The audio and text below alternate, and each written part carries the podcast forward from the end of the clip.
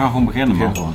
Ik ga lekker aftrappen. Ja, En we hebben het net over tijdwensen en zo, dus ik ga gewoon de introductie meteen nu doen. prima. Ja, ik, voorheen deed ik dat altijd apart nog opnemen en dan moest ik ook een plak knippen. En, eh, dus ik zeg eh, welkom bij de Six Leadership Podcast. En we hebben weer mooi weer. Ja. Ik weet niet wat dat is. Als wij een podcast opnemen is het mooi weer en als we geen podcast opnemen is het slecht weer. Dus dat is goed. Nou, leuke gast vandaag. Patrick Waldhuis. Wij kennen elkaar al een, ja, best wel een jaartje of twee, drie denk ik wel. ja, via digitale platforms. Ja, dat we elkaar een beetje volgen. En eh ooit eerder over een podcast gesproken. Nou, de drukte en andere dingen zijn er niet van gekomen. Ja. We kwamen elkaar anderhalve maand terug tegen bij tankstation. ja, wintersportspullen. Wintersportspullen. Ja, die zou je nog, eh, je zou nog zoeken voor mij. Dat heb ik ook gedaan, maar, Maar niks gevonden. niks Dat was gevonden. niet jouw maat. Wat voor mijn kinderen? Ja, dat weet ik. Dat was niet de maat die je nodig had. Oké. Oké, dus eh, ja, leuk dat je bent, man. Ja, Ja, en leuk om te zijn. Ja, je, je, je, doet mooie dingen online. Ook eh, voor je werk doe je mooie dingen. Een mooie achtergrond ook bij de commando's. We gaan niet te veel over commando's hebben vandaag, denk ik. Ja, toen ik de Mutsdals podcast voor, daar heb je het hele verhaal ook overal eh, verteld. Ja, ik had begrepen van Stefan dat die wist dat ik hier zou komen. Dus jullie hebben eh, contact Wist je gehad, dat? Nee, nee. Nou, nou, ik kreeg gisteravond een berichtje in de WhatsApp van... Oh, wacht, nee, ik heb dat in de, die Pet Talk. Ja, je hebt mensen Pet Talk. Ja, dus ik heb een nieuw podcast formatje. Right, daar Kleine korte in, in podcasten. geroepen. Ja, dus jij had één luisteraar, Oh, dus dat was. Stefan. Ja, nou leuk. Stefan, wel leuk dat je het eh, volgt. Ja. Ja. ja, ik had het met Stefan... eh, ik had al een paar keer een verzoek gehad om eh, mee te doen met podcasts. Eh, ook bij scherpschutters en zo. En ik heb dat allemaal een beetje afgehouden. Ja. Eh, om, om redenen die vooral over de inhoud gaan. Dat ik denk van ja, ik heb voor jullie niet zo gek veel spannends te vertellen. Dus eh, zoek, zoek vooral naar wel gasten die dat hebben. Maar ik heb dat denk ik niet. Eh, maar toen kwam eh, Stefan op het net en... ja, het- ook bij hem zei ik in eerste instantie van joh, je moet mij helemaal niet hebben, want ik heb helemaal niet van die peppy spannende verhalen allemaal. Eh, maar zei nou, dat is helemaal niet de bedoeling. Het gaat veel meer over hoe ziet je leven eruit en, en welke rol heeft eventueel daar zeg maar eh, de commandoopleiding in gespeeld. Hè? Heb je daar nog daarna veel aan gehad, ja of nee? Dus nou, het idee vond ik eh, daarin eh, wel sympathiek, ook de achterliggende gedachten die hij aangaf. Dus zei van nou, weet je wat, dan eh, gaan we dat doen. Nou ja. En zo kwam ik jou tegen en toen dacht ik ook van ja, ik wilde toen tegen jou geen ja zeggen, omdat ik tegen anderen ook nee had gezegd. Maar nu heb ik natuurlijk bij Stefan ja gezegd. Dus kan het balletje Ja. wel weer gaan rollen. En zei ik van, nou weet je wat, dan eh, vind ik het toch wel leuk Ja. om, eh, om af te Maar jij, dacht nu Dick Berlijn is geweest en nou Bob de Wit is geweest en dat reed. Interessant En spreekstijl dat reed je pas jij Nou ook ik. ja, ja, ja, Ja. Nee, dat snap Precies. ik, ja. ja. Nee, goed. Ja, goed voor de mensen thuis. eh, nou, subscribe je op YouTube als je op YouTube zit. Ja, en mijn collega podcaster eh, Ken van Gelsweg zegt altijd subscribe motherfuckers. Bij hem werkt dat. Ik weet niet of dat bij ons- deze doelgroep ook werkt. Ehm, en ja, goed, ik ben ook bij de Kinderbak podcast zelf dan geweest. Als je dit leuk vindt, ik zal het linkje ook in deze podcast nog, eh, nog erbij zetten. Dat was een leuke podcast om te beluisteren. Was leuk, Van de week gedaan. Ja, Ja. erg leuk. Ja. Mooie onderwerpen. Ja. En, eh, ik denk dat voor militairen is het leuk, maar ik denk voor iedereen wel mooie, mooie dingen die spelen op dit moment. En, Ja. Zeker. Nou, dat is gewoon sowieso. Hè. Podcast is denk ik best een leuke... eh, heeft een vlucht genomen. Hè. Het zat natuurlijk wel aan te komen, maar... eh, met alles wat er nu gebeurt, heeft dan een vlucht genomen. En dan is het gewoon lekker om in de auto, zoals jij zei, als je een end moet sturen. Of je bent eh, buiten even aan het wandelen. Dan is het gewoon prima om eh, verschillende soorten podcasts te luisteren. Prima. Ja. Ik Ken vond het heel raar dat mensen vroegen dat hij niet op, op Spotify stond. Dus ik, ik heb tegen gezegd, het, ja, ja, een ja. podcast is audio, vriend. Ja. Een YouTube-kanaal zijn video's. Ja. dus een podcast is in principe een audio-aflevering die je in je oortjes en gewoon luistert. Eh, en eigenlijk is de video mooi meegenomen.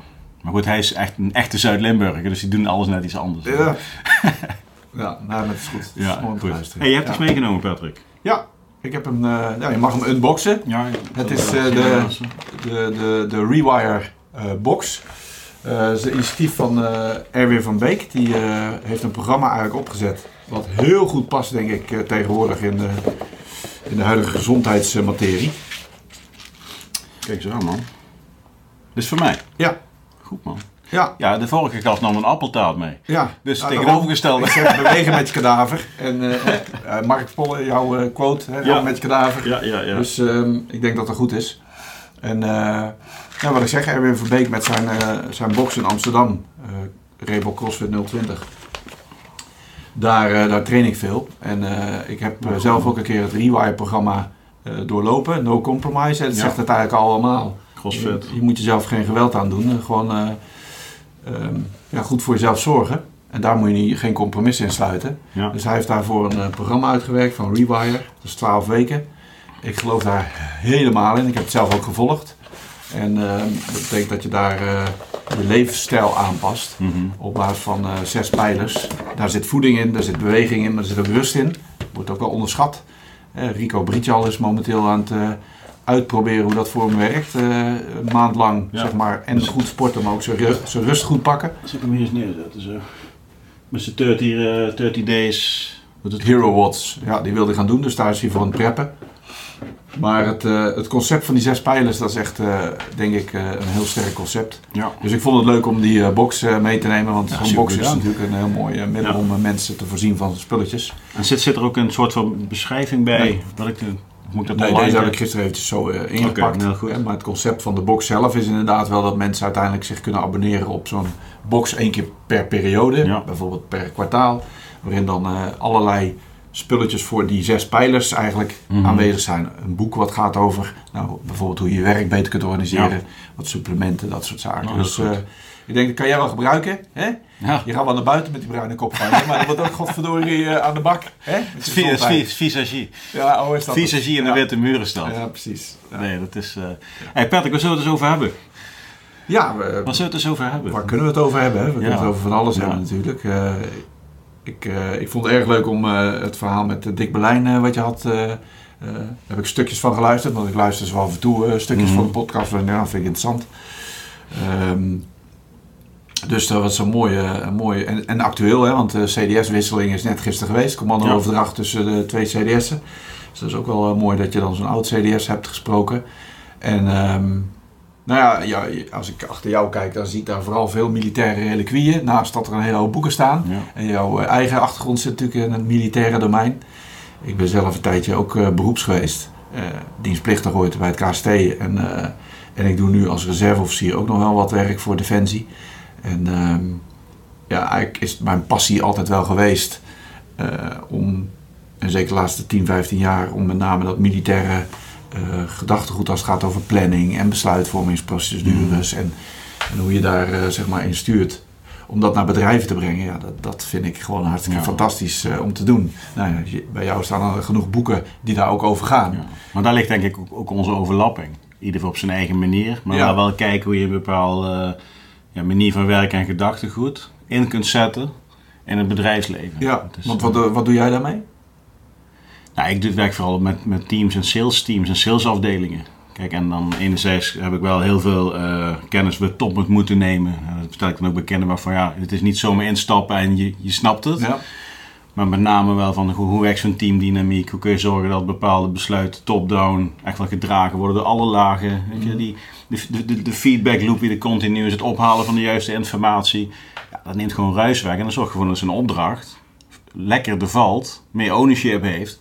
En dan kun je echt aan kwaliteit werken in plaats van draagvlak. Ja. Dat is heel iets wat ik echt... En wa- uit, eh, wat, wat is dan datgene wat jij pakt vanuit eh, jouw defensieachtergrond en kennis die je daarin hebt om bij zo'n team te brengen? Nou, het, het belang, wat, wat ik heel belangrijk vind, echt wel die, die, echt die betrokkenheid, die verbondenheid. Van jongens, we gaan pas over details praten op het moment dat we ook gezamenlijk weten welke kant we opgaan. Dus niet eerder, want dan kom je onderweg weer hobbels tegen. Ja. Maar ook wel ja, het de, de, de, de tweerichtingsverkeer van gewoon praten we over hetzelfde. Begrijpen we echt waar we samen naartoe willen. Ja. Ja, en en ja, no compromise betekent ook van compromisloos vragen durven te stellen. Omdat je samen uiteindelijk die opdracht goed wil gaan doen. Ja. En, ik- ik- en dat is wel echt wel iets vanuit wat ik de defensie mee heb genomen. Nou, als die opdracht helder is en je staat samen erachter en je weet waarom je het samen ook als mens doet, dus niet alleen maar de taak, maar ook de mensen waarin je samen elkaar vindt, ja, dan komen die details, ja, die, die, die los je wel op dan. Ja. ja, dat is wel een, eh, een andere invalshoek dan ik kies, dus dat is ook wel weer mooi. Ja, hoe doe jij dat dan? Ja, ik vind, ik vind de, het mooie daar, daaraan is dat je ook eh, met name in de communicatiekant van het verhaal zit. Hè? Mhm. Jij, eh, als ik jou hoor vertellen, dan gaat het ook over dat je eh, goed duidelijk krijgt en dus daar veel over spreekt met elkaar, eh, wat nou precies de bedoeling is, et cetera. En ehm, ik weet nog, in, in 2007 ben ik samen met wat andere mensen samen begonnen met de Military Formats in Business. Ehm, nou, dat, dat, dat loopt nog steeds. Dat loopt veel beter dan toen liep. En dat is echt wel gegroeid. En eigenlijk was dat bedoeld om ehm, eigenlijk een soort van wargaming te doen. Eh, gebaseerd weliswaar op, eh, op een militair die een gebied ingaat waar hij Mhm. eigenlijk nauwelijks van weet van hoe, zit het hoe ziet het er hier uit. Ik heb de informatie niet die ik eigenlijk nodig heb. En toch ga je daar eh, op de juiste manier dingen doen. Nou, dat hebben bedrijven ook. Mhm. Die gaan soms naar markten toe waar de informatie over concurrentie en allerlei regelgeving en zo niet voor het oprapen ligt. Ja. Ehm, maar dan moet je daar toch wel in. Hè? Dat betekent dat je scenario's gaat ontwikkelen. Nou, en dat wargaming, dat hebben wij eigenlijk toen eh, opgestart. Om te kijken, kunnen wij bedrijven helpen om hun, ehm, hun strategie te challengen. En te komen tot een, een goede strategie aan de hand van een aantal eh, ja, militaire processtappen. Ja. Ja, dat super Maar, dat, maar dan, dan, zit je meer op de besluitvorming. Ja, en op strate-. Ja, maar Ja. dat is verschillen tussen officier en onderofficier. Even, ik, ik zit nu echt, hoe ik het zeg maar vertaal tot nu toe, maar dat komt denk ik ook wel vooral bij de bedrijven en opdrachten die ik heb gehad en die Ja. ik ook doe nu. En het zit echt van hoe krijgen wij een groep mensen operationeel op de taak, eh, zo super, Ja. super efficiënt zeg maar. Ja, Oké, en inderdaad, wat jij dan nu bespreekt is het stukje wat daarvoor zit, vanuit de opdracht zeg maar. Ja. Opdrachtverstrekking. ja. ja, dat was ook wel mooi om dan te zien eh, als je dan eh, met zo'n team aan de gang gaat. Hè, je krijgt de opdracht, gesprekspartner is in eerste instantie de, de, de CEO van zo'n club. Ze zeggen van nou, we willen eigenlijk wel een dwarsdoorsnede van, eh, van jouw eh, eh, bedrijf aan tafel hebben in eh, de sessies die we gaan doen. Nou, dat is al, is al raar, want hoezo? Ik heb toch een managementteam en Ja. Nee, maar dat gaan we anders doen. Want juist op andere plekken komen ook andere gedachten naar voren. En die kunnen wel eens een eye-opener zijn.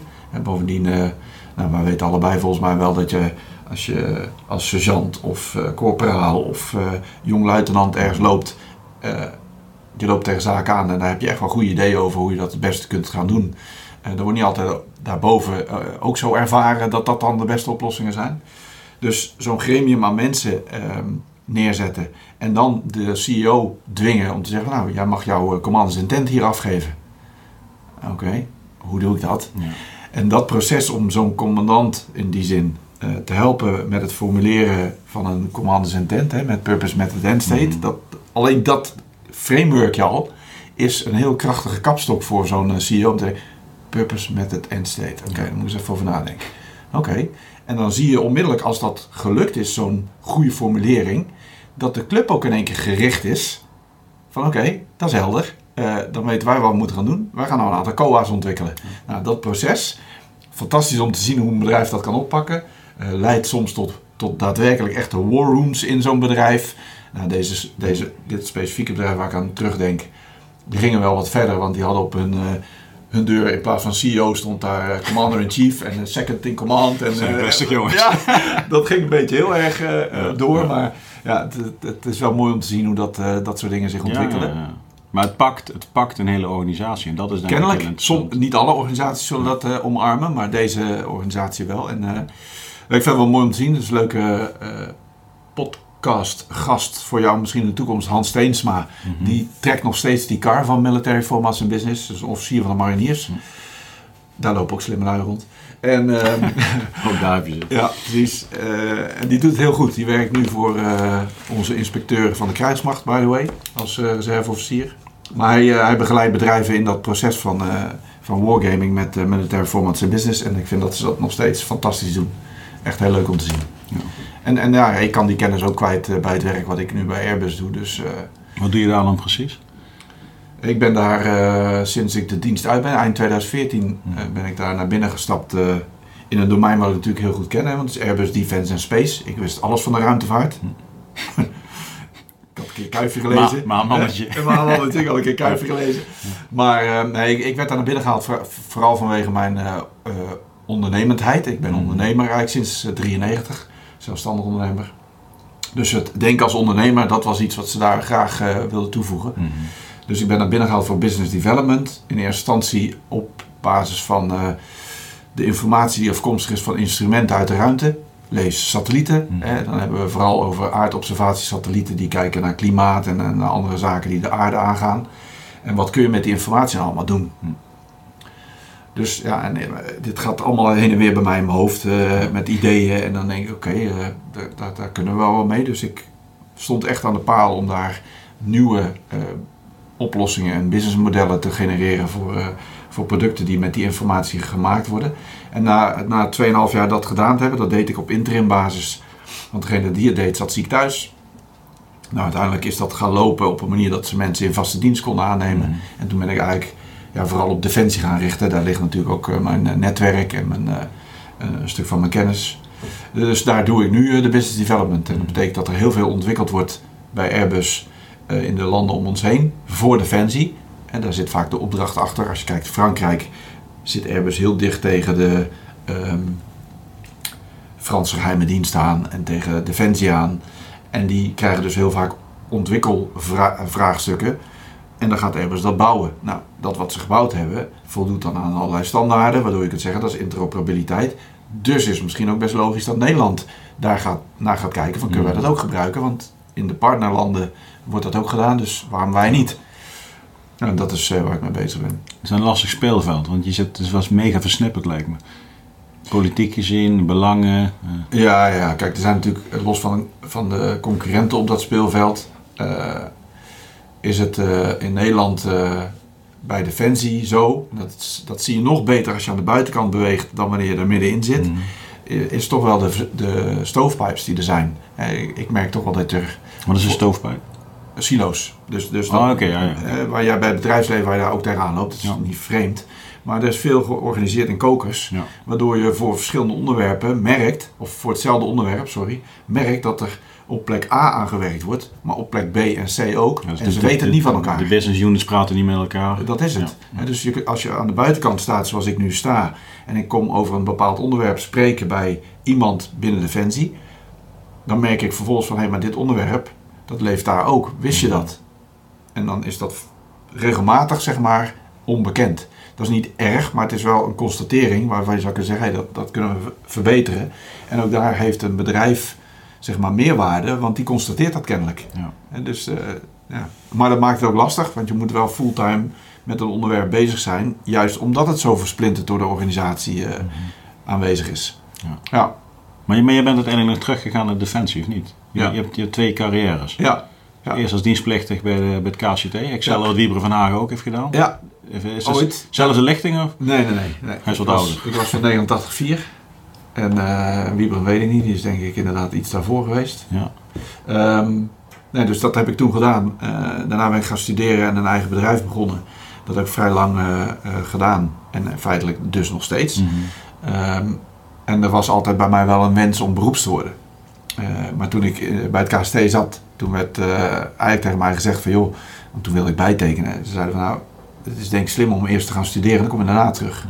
Oké, dus ben ik gaan studeren. Wat, heb- wat ben je gaan studeren? Ehm, bedrijfskunde, Ja. eerst HTS en daarna ben ik nog eh, naar Maastricht aan de universiteit gegaan eh, om economie en naar een richting economie eh, internationaal management te gaan doen. Ehm, en tijdens die studie ben ik voor mezelf begonnen. Eigenlijk een verlengde van het KST, want daar zat een sportluitenant die had een eigen bedrijf in outdoor. Dat was toen een hartstikke hip en happening. Hè? Die eind jaren 90 en eh, begin jaren 90 was dat eh, fantastisch, jongen. Iedereen ging naar de Ardennen, survivalen. Kano op de nek en gaan. Ja, en ik vond het natuurlijk geweldig om Ja. samen met die sportluid eh, daar tekeer te gaan. Dus ben ik daarin begonnen. En op een gegeven moment vroeg hij van joh, je kunt, kun je niet inschrijven als zelfstandig ondernemer. Want dat is voor ons qua uitbetaling ook weer makkelijk. Want dan kun je Mhm. factureren. Nou, fijn, prima. Zo gezegd, zo gedaan. En toen ontstond ook er een vraag vanuit relaties. Van hey, jij werkt toch aan outdoor, eh, kun je niet voor ons iets organiseren? Hm. Ah, Oké, balletje geen rollen. Ja. Ehm, maar dat knagen van ik wil beroeps worden, dat bleef wel een beetje een dingetje. En toen kwam op een gegeven moment in de intermediair kwam een artikel over reservisten. En dat je twee carrières kunt combineren met elkaar. Nou, dat is interessant. Dus ben ik toen inderdaad reserveofficier geworden. Ehm, en naar Afghanistan geweest. Ja. En eh, dat was in 2008. En toen dacht ik, eh, toen ik dat pak eenmaal daar aan had en in die omstandigheden zat, dacht ik van ja, zie je wel. Ik ging ineens toch anders lopen, anders. Ja, ik, ik kwam tot leven, zullen we maar zeggen. Hè? Dat voelde ik zo. Dus toen dacht ik, ja, zie je wel. Dus toen kwam ik thuis eh, en toen, eh, toen ontstond er ook een mogelijkheid. Eh daar was behoefte aan bij Defensie toen. Eh, dat noemden ze het programma Werk naar Werk. Dus gingen ze inderdaad kijken, eigenlijk wat er nu ook weer een beetje gebeurt. Welke eh specialismes en expertise hebben wij nodig, maar hebben we niet. En kunnen we die naar, ons toe halen via lui uit de burgermaatschappij. dus die mogelijkheid ontstond. Dus ik had het er thuis over. En thuis eh, zagen ze zo die lampjes in mijn ogen. En zeiden, laat maar, je hoeft het er niet over te hebben. Want het gaat gewoon gebeuren, zie ik al wel. Zo heb ik je twintig jaar niet gezien. De bewijs van. Dus eh, ja, toen ben ik in 2010 beroeps geworden.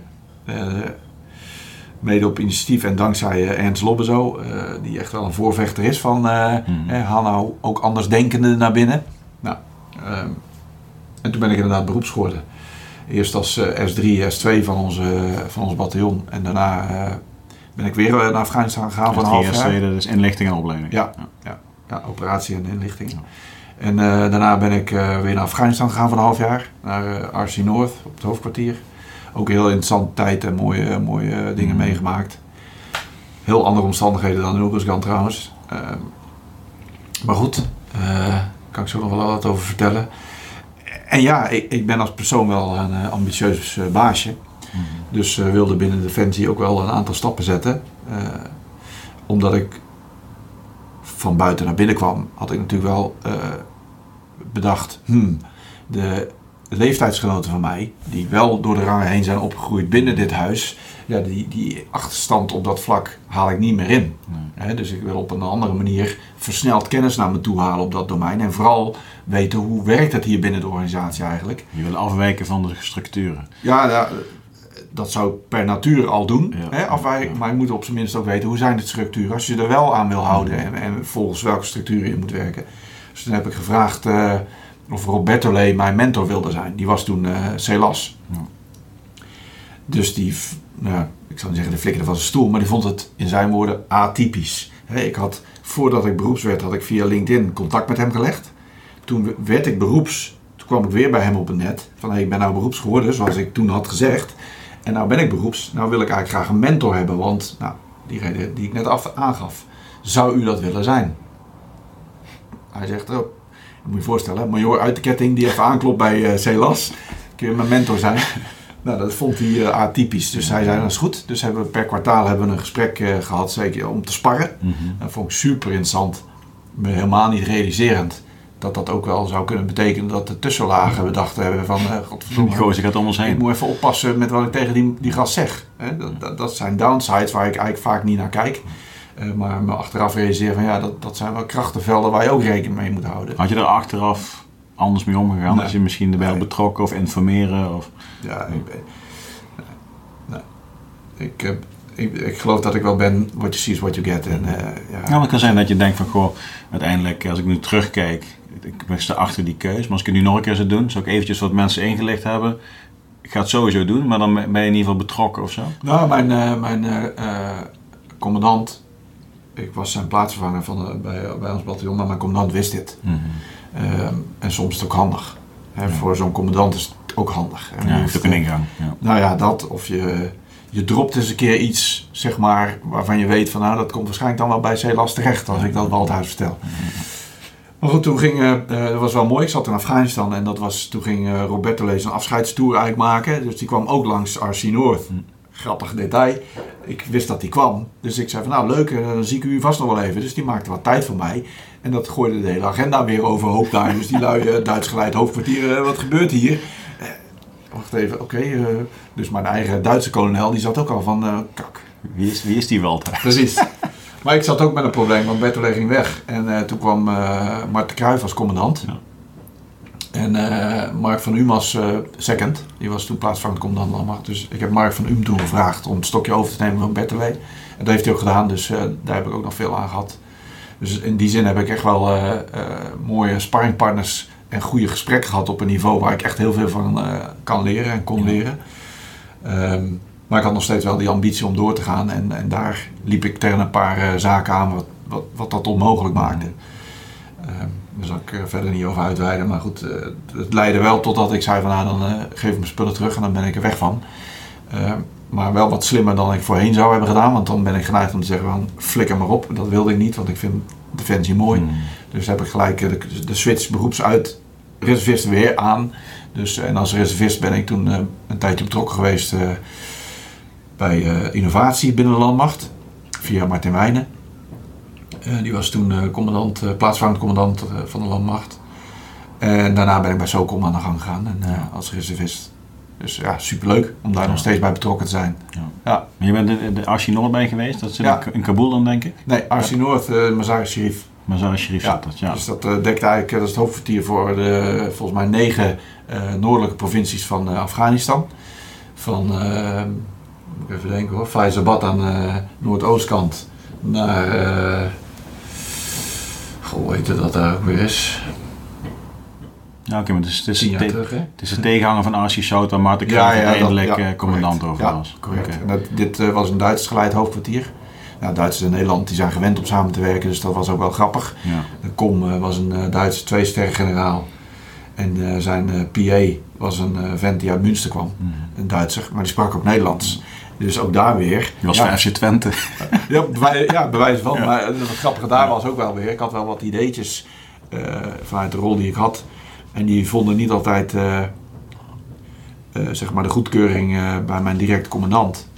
Terwijl ik wel getoetst had op andere dekken van hey, dit idee, zou, zou dat wat zijn voor ons? Ja, ja.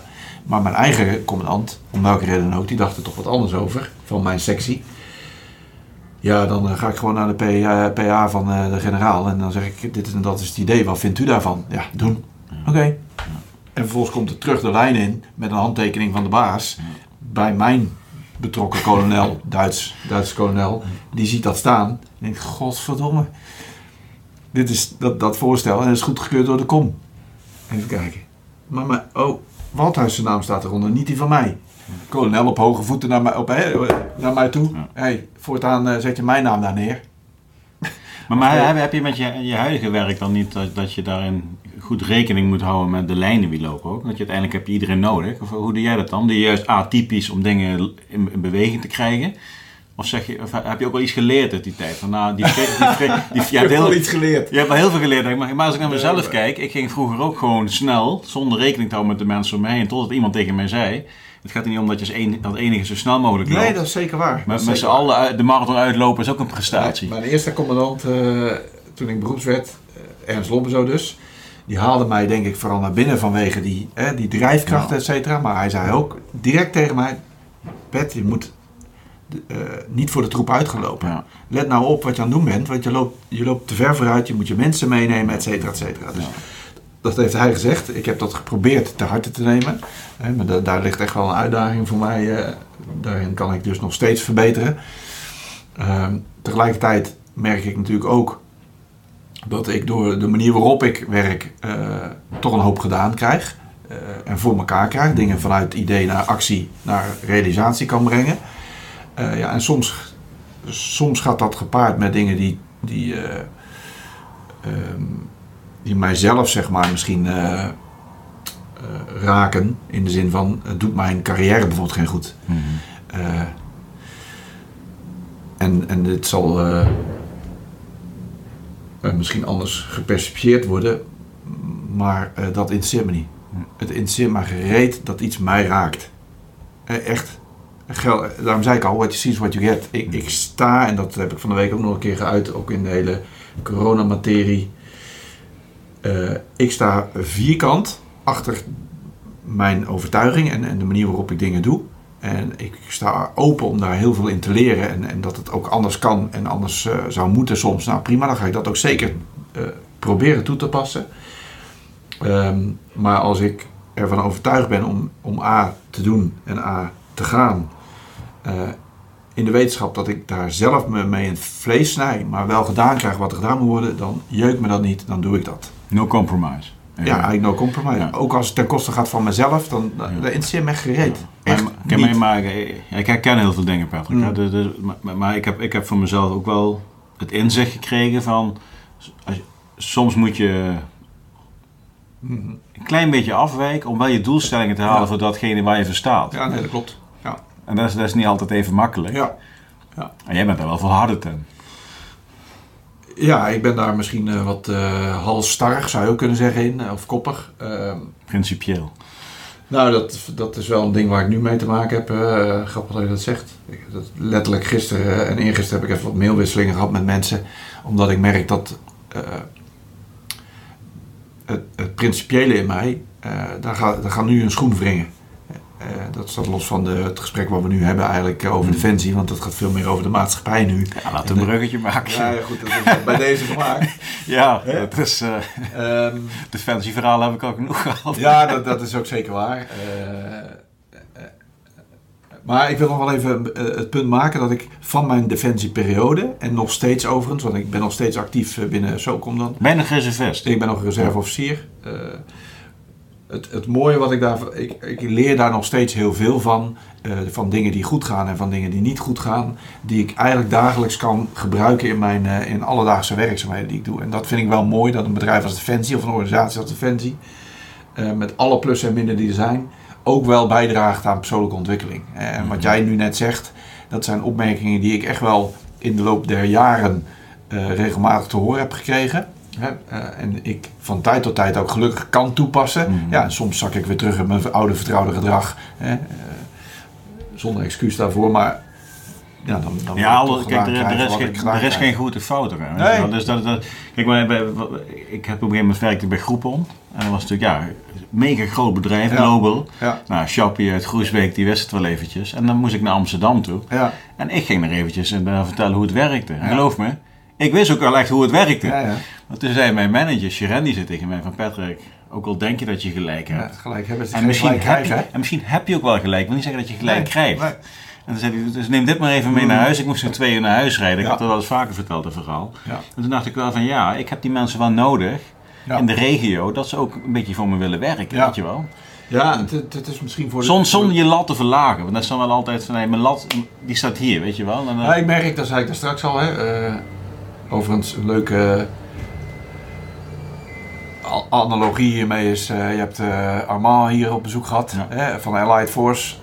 Eh, Allied Force, die, eh, die ken ik goed, zeg maar. Eh, en dat wat zij doen, dat, eh, dat, dat gebeurt ook eh, binnen organisaties zoals de onze. Eh, en daar helpen ze ons ook bij. Eh, en dan zie je ook dat, dat eh, ook daar geldt, ja, je kunt wel recht op de meid gaan, maar soms moet je er omheen. Hè. Ja. Een goede vriend van mij, Robert Meels, ook kolonel bij eh, Defensie, die zegt ook tegen mij va- vaak genoeg, want we hebben vaak app-contact over dingen. Die zegt, Pet, als je er niet doorheen kunt, je hoeft er niet doorheen, je kunt er Ja. misschien ook omheen, Ja. overheen, onderdoor, et cetera. Nou, prima. Dus allerlei wegen die naar Rome leiden. Hè, eh, in mijn familiewapen staat, eh, ik vind de weg of ik maak er een. Nou, daar komt het op neer. Ehm, Het is geen toeval. Nee, alleen, alleen wat, wat ik merk, en dan, dan, zal ik, dan laat ik dit eh, voor wat het is, maar ik merk wel dat als ik een aantal keren adresseer op de plek waar het thuis hoort, eh, en daar dan uiteindelijk niet iets zie veranderen, en niet iets zie veranderen waarvan ik vind dat het om mij gaat, maar iets zie veranderen wat, als het niet verandert, gaat het ten koste van jong talent bijvoorbeeld. Ja, als het daar niet verandert, dan ga ik wel omheen. En dan ga ik het daar adresseren. En dan ga ik kijken, levert dat dan iets op? En als dat niet lukt, dan ga ik nog, nog verder omhoog. Tot ik uiteindelijk bij degene zit die, die aan alle touwtjes zou moeten trekken. Eh, en, en dan hoop ik maar dat het door de keten heen gaat. En gebeurt het niet, dan zie je dus dat talent of afvloeien, die gaat ergens anders kijken. Of dat talent komt nooit meer tot wasdom, is alleen maar gefrustreerd, et cetera. Ja, dat is doodzonde. Dat, eh, maar goed, het bruggetje naar de maatschappij. Ja. En even, even, ik heb Maarten Kruijs natuurlijk ook eh, in de podcast geweest. Oh, dat wist ik niet. Ja, ja, ja. Dat was een Zoom-call. Dat was net in het begin van het killenvirus, zeg maar. Oké, ja. wisten we nog niet beter. Ja. En dat was, maar dat is, een- die moet je ook eens terug. Maar die heeft dus een verhaal. Oh. en Je hebt hem dus nog niet gezien. En dat vind ik... En, en ik heb ook een date met Tom Middendorp en met Peter van Um. Dus die komen alle twee nog voor de zomer. Komen die nog in de podcast. En wat ik zo gaaf vind aan die gasten... Die echt... Ja. Dat zijn zo'n leuke gasten. Ja, ja. En, en Mark de Cruijff heeft op een gegeven moment een verhaal. Eh, Otto van Weggen, die zit op een gegeven moment zit in Kabul. En Cruijff die is daar op werkbezoek vanuit RC South natuurlijk. En eh, eh, Otto was daar ook vanuit een positie, van vanuit een, ik weet niet precies Ja, ik wat. denk dat die kwartier waren. En er is dus een Amerikaanse, ja volgens mij. En er is dus een Amerikaanse generaal die dus in afwezigheid van Otto bij zijn afdeling binnenwandelt. Om eventjes te vertellen wat er allemaal kut is. Snap je? En eh, Otto hoort dat later. En eh, op dat moment is Mark de Cruijff, die is daar ook. En eh, Otto die hoort dus dat die Amerikaanse generaal bij zijn mensen is geweest. Ja, dat is not done. Dat doe je dus niet. Hè? Mhm. En die zegt, als je nog één keer eh, bij mijn mensen komt, dan hoek ik je. Ja, dat snap ik wel. ik hoek je nog één zegt. keer Ja. en ik hoek je. Ja, ja, ja, mooi is dat, hè? Ja, die moet je ook wel bij bij Maar. Mark de Kruijf die had echt een... nou goed, we natuurlijk op LinkedIn nog een gesprekje een paar weken terug, zeg Ja. ik. Ja. Maar dat was wel een, ja, vanuit het hart een kerel die daar wel echt van... Ja. Was mooi, ja. Ja, ik heb hem met, eh, toen Marten Cruijff uh, Celas was, heb ik ook met hem eh, ja. ook over mijn, mijn eh, zaken waar ik tegenaan liep, eh, een goede gesprek gehad. Dus ik, eh, ik heb heel veel respect voor Marten Cruijff Ja. en eh, ik waardeer hem ook heel erg. Ja, Ook wat hij nu doet hè, met Invictus Games, eh, hoe hij zich daarvoor inzet, vind ik, eh, vind ik mooi. Eh, en dan Tom Minnendorp, precies hetzelfde, hè, waar hij zich voor inzet eh, Mhm. als het gaat over eh, de bronnen van crisis en, eh, en water en eh, natuur, klimaat. Als, eh, ja, ik vind dat hij dat hartstikke goed eh, Ja. doet. En, en wat jij zegt, zijn wel mensen met een bepaalde eh, Nou, ziet, blik op zaken. je ziet de tussenlaag, zeg maar. Die, die, die zijn vaak... eh, Ja. Die willen niet overgeslagen worden. Maar zeg maar, ik noem het even... De, die willen gewoon... Die willen gewoon contact. Ja. Die willen voelen, die luisteren, Ja. die willen weten hoe het zit. dat, is toch, dat is toch bizar? dat- maar dat, voor mij is dat het- hetgene waar het om zou moeten gaan bij iedereen, weet je wel. Nee, maar dat is, het is ik zal, ik, ga niet uit school klappen, maar het, ik vind het een bizar gegeven.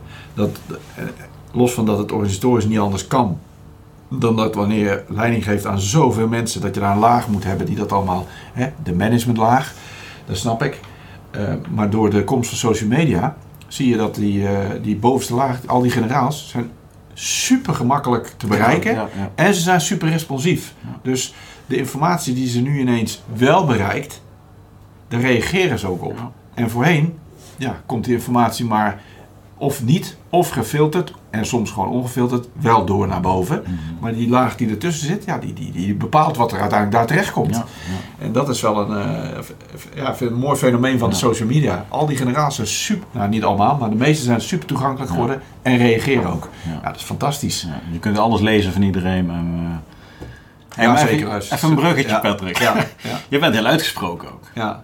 Ja, en, en, en ik, ik weet nog, eh, ik moet zeggen, ik was in de beginmaanden van eh, zeg maar de huidige crisis, crisis hè, eh, ja, ik was wel even afwachten, weet je wel. Hoe, hoe zit het nou echt en hoe of wat? Nou, in de loop van de tijd ben ik echt wat bijgedraaid van, nou jongens, we maken meer kapot dan ons lief is. Mhm. Jij was meteen, we, we, we- we vernielen onze gezondheid, ondernemers laten we in de steek. Mhm. Ehm, eh, Arie van Eng heeft toen natuurlijk ook met het ondernemerscollectief eh, Ja. als tegenhanger van het, van, eh, van het OMT, heeft hij op televisie geweest. Ja. Je hebt je echt gepositioneerd van begin aan als iemand die het anders zag. Hoe, hoe is daarop gereageerd vanuit je omgeving? Behalve vanuit familiewapen dan. Ehm, nou ja, kijk, eh, ik heb inderdaad, denk ik, vanaf het begin gezegd: eh, het virus maakt ons niet kapot, maar de maatregelen. Eh, dat, dat was ongeveer een van mijn eerste posts destijds, denk ik, op dat eh, topic. Ehm, ik heb het eh, virus eh, zeker niet eh, ontkend. Ik denk dat het virus voor sommige mensen er flink in kan hakken. En dat, dat zie ik ook in mijn directe omgeving wel. Hè. Lui die, eh, eh, zelfs eh, crossfit coaches die, die eh, te maken krijgen met eh, covid. En dan vervolgens eh, anderhalf jaar lang, ondanks dat ze zo fit zijn, daar last van blijven houden. Eh, maar je ziet ook eh, anderen, hè, die, eh, net als een normale griep. Want als je al roept van, nou, het is vergelijkbaar met een griep, dan heb je al gelijk, zit je in de hoek van de wappies. Leuk woord overigens. Ehm, maar goed, Ja. Bestond dat woord trouwens al? Nee, volgens mij niet. Maar ik, ik, ja, wappen was, was op enig moment was dat een soort van sms. Hè? Je kon, je kon Oh, wappen oh, met wappen, bepaalde ja, toe- ja. toe- toestellen, we- weet ik nog ergens. Ja, dat klopt ja. Ehm, nee, maar goed. Dus het virus niet ontkennen, maar het effect van het virus is lang niet op iedereen zo eh, risicovol. Nou, en zo wordt het wel weggezet en daar heb ik moeite mee. En als ik nu zie hè, waar we nu staan, een jaar na dato, ehm, ja, dan, dan kun je, eh, zoals je dat ook wel leest links en rechts, denk ik, eigenlijk wel van alles vinden van de manier waarop we nu eh, omgaan met die crisis. Wat er wel of niet aan onderzoeken wordt gedaan. Eh, ja, ik vind het lastig om te zien dat we nu echt, ik vind het verdrietig zelfs om te zien dat we toch echt wel afsteven op een maatschappij waar, eh, ja, waar, je, waar het lijkt een tweedeling te zijn. Eh, waar we het ook al over gehad hadden eventjes. Hè. Je krijgt toegang tot als. Mhm. Ja, dat vind ik, eh, dat vind ik echt in en in eh, verdrietig. Ja. En, en waar moet dan die verandering van komen? Want we hadden natuurlijk gisteren, eh, ja, je had mijn reactie van, op Mudmasters, die post gezien. Prima organisatie, daar gaat het even niet om. Ehm, Maar je mag dan meedoen met de Mudmasters als pilot als je dus zeg maar aantoont dat je niet ongezond bent. Ja. Het- Ten eerste vind ik dat eh, eh, voor Mudmasters, eh, het is buiten. Ja. Eh, dus hoezo is dat dan een risico eh, überhaupt? Hè? Eh, maar goed, dan ga ik me begeven op terreinen waar eh, allerlei specialisten een mening over hebben. Dus daar ga ik maar niet in. Ja, ik, ik, weet, ik weet absoluut niet wat de oplossingen zijn. Maar ik word er wel verdrietig van de kant waar het op gaat. Ehm, en persoonlijk heb ik daar dan, eh, wat we daar straks al zeiden, hè, eh, kom ik wel met mijn principes in de, in de knel. Nu. Mhm. Dat is echt een vraagstuk voor mij. Hè? Eh, Dat zijn die mailtjes waar je, waar je straks over had. ja. Ja. Echt het principe van oké, ik dingen waar ik niet in geloof, daar ga ik mezelf ook niet aan verbinden. Maar je wordt min of meer daartoe gedwongen. Tenzij je bereid bent om op jezelf te komen staan. Want daar komt het op neer. Mhm. Hè? Je sluit jezelf eigenlijk door niet te conformeren aan wat er gezegd wordt dat je moet gaan doen. Sluit jezelf uit van allerlei dingen. Want met een beetje pech kun je straks eh, eh, alleen nog maar deelnemen aan allerlei evenementen of naar de bios of eh, sport of weet ik veel wat. Als je testbewijs laat zien of gevaccineerd bent. Als je daar niet mee wil gaan, nou, dan, dan zet je jezelf in een isola- isolement. Ja. En dat is dan je principe. Is het dat waard? Hè, Is je principe het waard dat je alleen komt te staan? ja, alleen dat je een deel niet meer toegankelijk hebt. Ja, Want, ik, want er, er, zal, er zullen heel veel mensen dat- alleen komen te staan die gaan elkaar weer opzoeken. Ja, maar het gaat verder. Het gaat verder, hè? want Ja. het gaat, eh, als je kijkt naar je gezin. Mhm. Eh, ik zou voor mijzelf in ieder geval bepaalde dingen in je gezin, zou ik zeggen van nou dat liever niet. Eh, maar ja, je hebt kinderen en je vrouw en die willen eigenlijk wel ergens heen. Ga ik dan bepalen met, eh, voor het gezin dat ze daar maar niet naartoe kunnen? Dat wil ik ook niet. Maar ik bepaal wel voor mezelf dat ik niet meega. Nou, hoe gezellig is het als je met je gezin dingen wil gaan doen, waarbij papa steeds maar niet meegaat, want die heeft zijn principes. Ja, denk dan aan een stom dagje duinruil. Whatever. Ik noem maar even iets, Whatever. Ja. Ja, dan hebben we het niet eens over de vakanties naar Kreta, Exact. maar gewoon... Exact. Gewoon- Monkey Town. de, de dagelijkse dingen. Ja. Hè? En eh, ja, dat, dat is een dilemma. eh, zo voel ik het althans. Omdat ik eh, principieel ben in een aantal zaken. En ja, wat is Mhm. je dat waard? Ga je dan toch maar ja, eh, de ruggengraat eruit trekken en meebewegen? Of eh, houd ik die ruggengraat staande en, en kan ik mezelf in de spiegel aankijken? Maar ja, heeft het wel allerlei consequenties. Nou, ik heb daar straks al wat gezegd over. Consequenties voor mezelf zit ik niet mee. Dus daar zit ik niet mee. Hmm. Maar ik moet nou ook rekenschap geven aan een aantal andere dingen. En dat, Ja. ja, dat maakt nog wel even lastig. Is, is, is er dan door je gezin ook een andere Patrick naar boven gekomen? Wie, wie, daar, wie, wie voorheen als individu daar minder last van had? Of last in ieder geval. Oh ja, als individu. eh nou, gezin heeft daar Maar je hebt, je hebt, je hebt- hoeveel kinderen heb je? drie. Allemaal dochters of niet? Twee dochters en een zoon. Twee dochters en Ja. een zoon, ja. Van eh, 19, eh 17 en 10. Eh, de eerste, die twee oudste zijn uit mijn eh, eerdere huwelijk. Ik ben Mhm. gescheiden en eh, inmiddels weer hertrouwd. Ehm, maar ja, voordat ik eh, überhaupt kinderen had, was ik nog meer egoïstisch dan dat ik nu ben. Ja, dat bedoel ik. Ja. Ja, ja, ja. Ik, ik deed natuurlijk precies waar ik zin in had. Ik ging eh, hoge bergtes beklimmen, ik was aan het ijs klimmen, ik deed echt fucking gevaarlijke dingen. Mhm. Eh, maar dat, ja, boeien. En, eh, en, en dat heb ik nog wel een beetje. Maar ja, wat ik zeg, ik, je, je hebt een gezin en daar hou ik ook graag rekening mee. Wil je ook leuke dingen mee doen? Je wil ook een leuke vader en een leuke man zijn voor het gezin. Mhm. En ja, dan krijg je in, nu in deze situatie waar we in zitten, maatschappelijk gezien met corona en alle maatregelen, ja, wrikt dat bij mij intern. Ja. Eh, heel simpel, eh, heel plat gezegd. Ik heb een hele hoop dingen die ons worden eh, opgelegd. eh, daar heb ik eh, niet echt bepaald eh, geloof in of vertrouwen in dat dat inderdaad ook werkt. Ja, conformeer er dan aan of niet? Goeie vraag.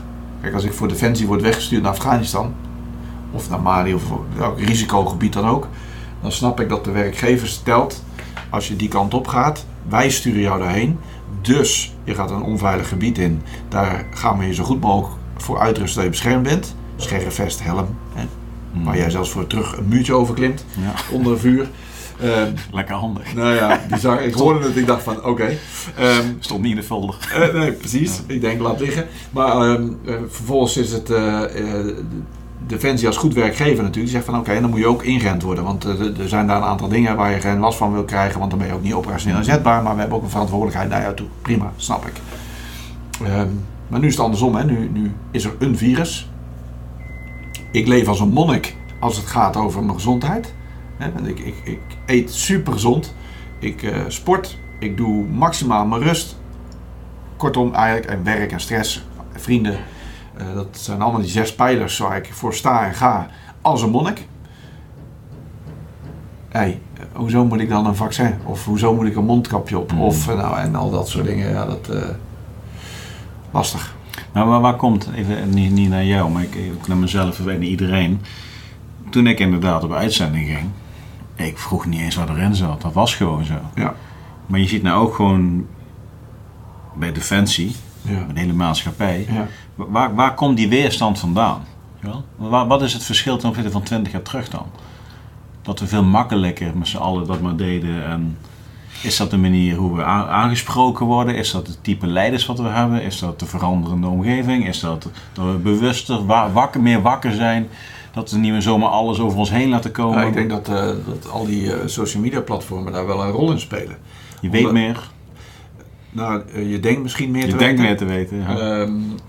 Maar er is in ieder geval meer verschillende invalshoeken beschikbaar. Ik denk voorheen ehm, was je geabonneerd op een bepaalde krant. En die krant had een bepaalde invalshoek. Ik kan me voorstellen dat... eh, nou, ik zag het aan bijvoorbeeld mijn, eh, mijn opa, die was eh, ook generaal. Ja, die had verschillende kranten. Oh, kan dat ook. Maar goed, want dan Staat ook verschillende hetzelfde invalshoeken. Staat hetzelfde in. Ah, toch niet helemaal. nee, nee, nee. Hè, En, en nu zie je natuurlijk dat er zo'n enorme eh, hoeveelheid verschillende soorten informatie op je afkomt. Ja, dan krijg je dus ook allerlei andere ideeën door. Ja, en dan is maar net van, eh, zitten daar ideeën bij die eigenlijk contra de boodschap zijn die door, de, door Den Haag bijvoorbeeld worden geformuleerd. Ja, dan, ga je, dan gaat dat leiden tot eh, op zijn minst kritische vragen. Nou, we weten inmiddels denk ik ook voldoende dat als je kritische vragen stelt, of überhaupt vragen stelt, die worden zelden tot niet beantwoord. Hè, Er wordt allemaal omheen gekonkeld. Ja, ehm, en de hoeveelheid experts is ook eh, explosief toegenomen. Eh, sommigen zijn het ook echt, sommigen niet. Maar ook binnen de wereld van experts zie je ook verschillende meningen. De, we hebben nu meer dan voorheen kunnen zien, omdat die media er zijn nou eenmaal, dat er vanuit eh, verschillende hoeken wetenschappelijk onderzoek is gedaan. En dat wetenschappelijk onderzoek, die rapporten daarvan, die spreken elkaar tegen. Dat is wellicht altijd al zo geweest, want je kunt natuurlijk over een topic onderzoek Y en X eh, pakken en die spreken elkaar tegen. Allebei een andere hypothese gehad en eh, nou fijn. Ehm, maar nu weten we dat dat soort onderzoeken er zijn. Ja, dat zal denk ik bijdragen tot van, hmm, is het wel zo veilig? Eh, wat zit er dan allemaal in? En eh, waarom eh, en hoe werkt dat dan? En hoe kan het dan dat je daar bloedklontjes van krijgt? En nou, nou, fijn, alles waar we nu middenin zitten. Ja, dat zal allemaal wel van Ja. invloed zijn op die kritische maatschappij. Ja, heb jij mijn gesprek met Bob de Wet geluisterd? Ik heb stukken ervan geluisterd. Ja. En ik, wat je zei, ik volg Bob. En wat ik het mooie vind aan, aan iemand als Bob, en dat vind ik vooral vanuit professioneel oogpunt interessant. Eh, hij kijkt ook vooral waar gaat het heen? Hè, wat voor society gaat het worden? Eh, welke kenmerken zitten daarin? En, en wat ik dan daarin interessant vind vanuit mijn eh, business development en ondernemerschap is, waar liggen dan de kansen? En want hoe je het ook bent of verkeerd, de huidige situatie, hoe ruk die ook is en wat ik er dan ook van vind, er liggen ook heel veel kansen in besloten. En dat vind ik eh ondernemerstechnisch gezien mega interessant. En dat vind ik mooi aan Bob. Hè, die kijkt ook van wat, wat, wat gebeurt er nu en waar gaat dat heen? En dat is natuurlijk ook een goede manier om eh, verder te gaan, zullen we zeggen. Ja. In plaats van te blijven vechten tegen wat er nu gebeurt. Ja. En, als- en als dat toekomstbeeld dan schijnbaar wringt met de belangen van anderen, dan word je in een hoek gezet. Ja. Terwijl er genoeg visionairs zijn die dan een beeld schetsen wat past bij de Klaus Schwab-theorie, Ja, noem ik het eventjes. Ja, Die, die krijgen hun platform. ja, ja. En, en daar vinden mensen zoals wij vinden dan weer iets van. En dat versterkt dan weer een gevoel van, hé, wacht eens eventjes. Ja, maar Patrick, toch is het, toch is het, want ik zat daar inderdaad eh, een paar keer over na te denken. En eh, ik lees natuurlijk ook, eh, vooral op LinkedIn, allerlei dingen ook van Marian Zwageman, et cetera. Er wordt genoeg gedeeld wat, wat afwijkend is van zeg maar mainstream. Maar het krijgt geen voedingsbodem. Nou ja, en, en dat is eigenlijk zoals onze democratie dan werkt. Dan gaat het ook niet veranderen. Nee. Eh, de verkiezingsuitslag, ja, ik bedoel, eh, moeten we het nog ergens over hebben. Die, die zegt boekdelen. Hè. Overigens wel grappig, ik ben geen aanhanger van Forum. Ik vind Haga overigens eh, verfrissend.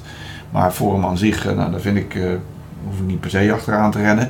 Maar het, het feit dat zij zoveel zetels hebben gewonnen, eigenlijk daarmee de, de grootste winnaar zouden kunnen be- bestempeld worden in eh, de verkiezingen, omdat ze zo'n groei hebben meegemaakt, daar hoor je niemand over. Krijg je een aandacht. Je krijgt nul aandacht. Dat is toch opmerkelijk? Want het is ja, wel een de- club die de, meeste, die de, de grootste groei heeft gehad. De- los van wat je ervan vindt, het feit dat dat zo is, dat wordt doodgezwegen. Maar ik begrijp het niet, weet je wel. Het is ook niet vanuit het standpunt van, van zeg maar, de partijen die dan nou aan de macht zijn. Maar Mhm. De VVD, D66 en eh, CDA, die hangt er toch een beetje aan, maar ook weer niet. Dus die- dat is een beetje een dubbele partij op dit moment. Ja. We hebben Pim Fortuyn gehad. Die, die hebben ze ook gewoon genegeerd, in de hoop dat dat wel weer wegging. Ja. Maar geloof me, dat gaat niet meer weg. Dit, Ja. dit, dit is een, een, een beweging wat voor mijn gevoel in, is gezet. Ja. Wat de komende 100 jaar, 50 jaar, 10 jaar, weet ik veel hoe lang, eh, een verandering teweeg gaat brengen. Ja, ik Ja. zie mezelf niet met een QR-code op mijn hoofd naar, naar Spanje vliegen. Dat ga ik niet meer Patrick. Nee, daar denken jij en ik misschien hetzelfde over. Maar eh, de bottom line is, eh, kennelijk is het merendeel daar wel toe bereid. Kennelijk is het merendeel eh, en, en mogelijk ook te on- Ik heb daar Bob wel eens gevraagd van joh, als ik zie wat jij aan het doen bent met de mensen met wie je dat doet. Volgens mij is er maar één manier voorwaarts, dat is zorg dat je georganiseerd bent. Want als je georganiseerd bent, dan kun je dingen misschien voor elkaar krijgen. Ja. Blijkbaar lukt die organisatiegraad niet. Zelfs het eh, artsencollectief bijvoorbeeld, wat er is of zo, hè, ehm, krijgt, krijgt dat ook niet voor elkaar. Dus ja, ik kan daar maar één conclusie aan, aan eh, uittrekken. En dat is eigenlijk dat eh, ehm, we met elkaar uiteindelijk toch blijkbaar willen dat wat er nu gebeurt, dat dat ook door kan gaan. Ja. Dus dat er, eh, want, want je zou kunnen denken, ik las vanochtend, er wordt er dan weer een nieuwe wet doorheen gedrukt, zo stond het in de media, in sommige media. Ehm, die gaat over die eh, quarantaineverplichting als je Ja. terugkomt uit bepaalde landen en eh, dat je een boete kunt krijgen, et cetera. Nou, die wet die wordt er dan doorheen gepompt. Als wij al dat soort wetgevende eh, instanties en, en het wetgevende proces belangrijk vinden, dan gingen we er wel wat mee doen. Maar blijkbaar vinden we het allemaal best. Joh, dan komt er weer een nieuwe wet. Nou en, het zal wel. Ja. Zo, zo lijken we te leven in Nederland. Hè. Alles dendert door. De wegen zijn niet echt heel stil. Er staan nog niet zoveel files, maar ik zie toch veel drukte onderweg. Ja. Dus Ja. nou, prima. Ja, kijk, en, en dit gaat denk ik misschien even voor, voor de luisteraars. en overkam. Even voor de luisteraars en de kijkers. Eh, eh, Dit gaat niet over corona. Nee. Daar gaat het helemaal Nee, niet daar gaat over. het En, Kijk, en, en de wet die jij beschrijft, heb ik gisteren ook op LinkedIn een stukje op geschreven. En de mensen die dit, dit sprekpop is over een week of zo online gezet. Er is een wet aangenomen dat als jij in het buitenland bent geweest, al is het maar één seconde, je komt terug in Nederland, moet je dat via een formulier aangeven wat je verblijfplaats wordt, moet je minimaal 10 dagen met een test 5 dagen in quarantaine. Ja. Er komen eh, belteams die gaan checken waar jij bent. Nou, de eerste vraag die ik kreeg van, ja, maar als je nou mobiel bereikbaar bent, nou, het zal me niet verbazen dat ze mogen tracen wat je locatie is. Vanuit de nood waar wij in leven met z'n allen. En eh, er, komt ook een, er komt ook een tiplijn waarin jij kunt aangeven dat je weet dat iemand die in het buitenland is geweest, toch niet thuis is. Ja. En dat gaat niet over corona, maar dan stel ik mezelf voor hoe, dat, hoe die maatschappij eruit ziet. Ja, dan denk ik echt, dat, is niet goed man. Ja. Dat is niet goed. Nee, maar eh, En dat heeft niks met wappies te maken, dat zijn gewoon wetten die komen. En soms kan ik hier heel filosofisch over worden. Dan zit ik wel eens in de auto en denk ik, oké, wat, wat doe ik er eigenlijk toe? In al die auto's die rijden, s ochtends die kant op, s'avonds weer terug. En dan dag in dag uit. Ja. Als je dan helemaal gaat uitzoomen, denk je, jongens, ja, je stelt er gereed voor. nee. Als ik morgen dood neerval, hey, alles gaat lekker door. Gelukkig, moet ook. Hè, maar maar eh, naar binnen kijken en denk je, oké. Eh, en, en dan krijg je de verhalen als waar, waar heb je invloed op, waar niet. Hè? Dus kies er nou voor om je energie Mhm. te steken in dat waar je invloed op hebt en waar niet. Eh, moet je gewoon laten. Ehm, en dan, dan kan ik maar een paar dingen bedenken waar ik heel blij van word. Is eh, die zes pijlers. Ik kan Mhm. me lekker vastbijten in mijn eigen gezondheid op de manier zoals ik dat wil. Ja. Ik heb een fijn gezin waar ik ook uitdaging genoeg in heb van tijd tot tijd. Ik heb werk wat ik super gaaf vind.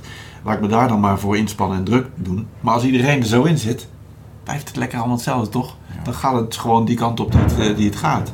En, en ja, het blijft een, eh, een, eh, een lastig verhaal, vind ik.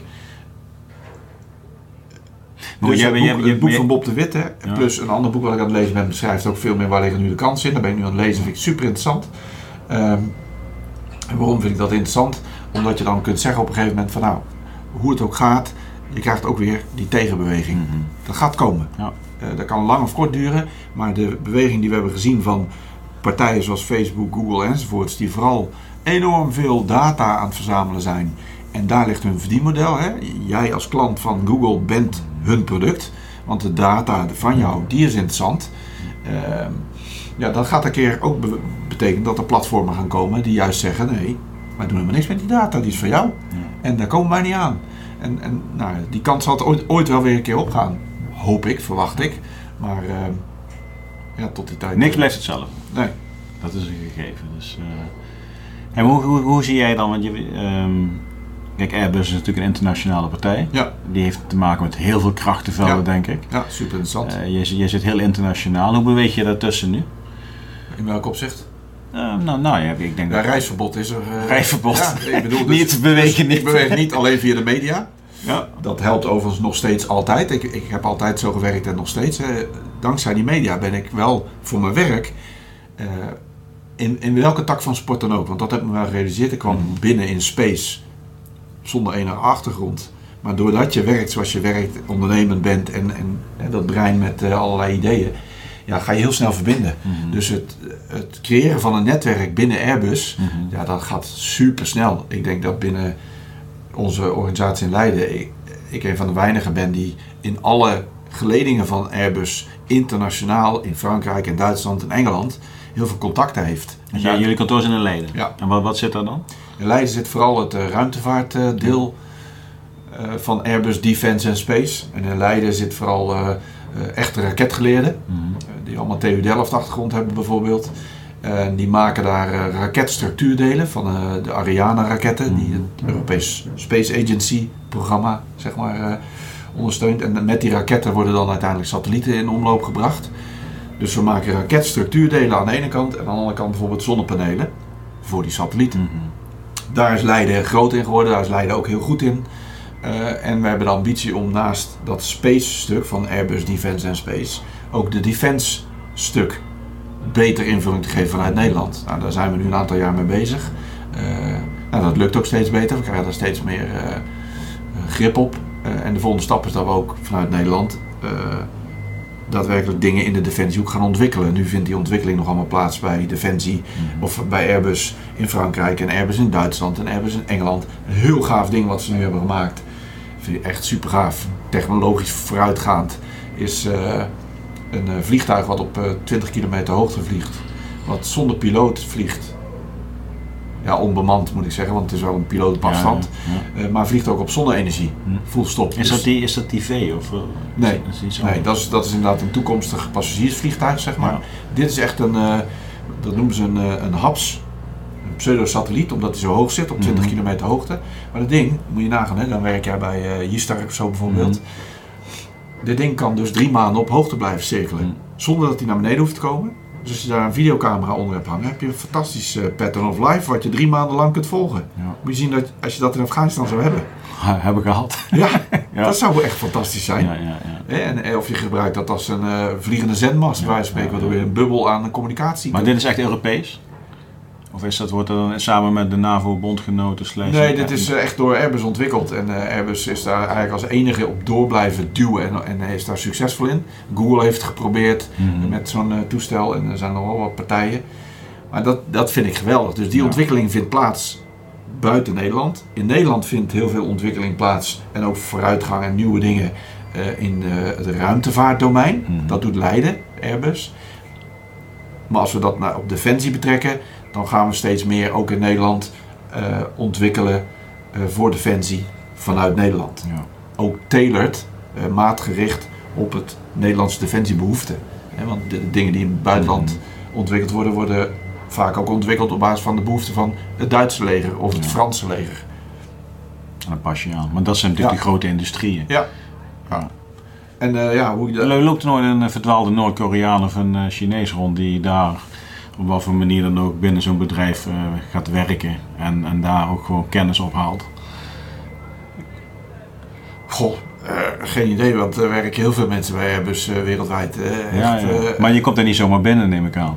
Nee, in principe niet. Je Nee. wordt gevet. Hè? Dus je wordt, er, wordt, er wordt gekeken naar wat, wie ben je, een beetje een, een soort screening. Dat wordt wel gedaan, ja. ja. Ja. Maar van waar je vraag? Nee, ik hoorde, dat was bij Boekestein en de Wijk, podcast. BNN Nieuwsradio. Ja, Daar waren op, de, op Delft, TU in Delft. ja oh, dat eh, heb ik gehoord. Ja, dat daar, dat daar wat, wat eh, zeg maar, eh, mensen vanuit die hoek al tien jaar in Nederland Ja. woonden. Een heel profiel opgebouwd. En uiteindelijk daar al die raket, atoomkennis ging dat over. Opgehaald hadden en in één keer waren ze. Ja, nou, dat, dat, dat gebeurt natuurlijk. Eh, er zijn inmiddels ook wel bedrijven die daar eh, andere bedrijven helpen. Mhm. Eh, Airbus heeft zelf een heel gerenommeerde cybertak. Die, eh, die wint op cybergebied ook Mhm. wedstrijden. Alleen, die cyber is, de- cyber awareness is vaak gerelateerd aan eh, dit soort spullen. Mhm. Hè, aan telefoons, aan dataverkeer en dat soort dingen. En, en kijkt misschien wat minder naar de menskant. Ja. Eh, nou, Cyber Airbus heeft daar wel een vettingssysteem voor. Maar bijvoorbeeld bedrijven als Proximities, dat Mhm. wordt geleid door een oud comma- commando ook, hè, Daan Brink. Ja, die hebben dat helemaal eh, uitgekristalliseerd in een proces waardoor je inderdaad kunt kijken wie, wie krijgt nou binnen in mijn Hoe kantoor. heet dat? Proximities? Proximities. Maar wat doen die dan? Eh, ja, eigenlijk een soort risk consultancy. Die hebben verschillende takken van sport eh, die ze bedrijven. Onder andere assisteren ze bedrijven die in het buitenland willen vestigen, dan wel in het buitenland gevestigd zijn. Mhm. Om, om advies te krijgen hoe is de politieke situatie daar. Is die stabiel genoeg om daar een bedrijf te vestigen? Mhm. Als we er zitten, wat zijn dan de risico's waar we rekening mee moeten houden? Als er iets gebeurt, hoe krijgen we onze mensen zo snel mogelijk weg? Ja. Eh, als er een lockdown is, hoe zorgen we dan dat de business door kan gaan? Hè? Dus business continuity.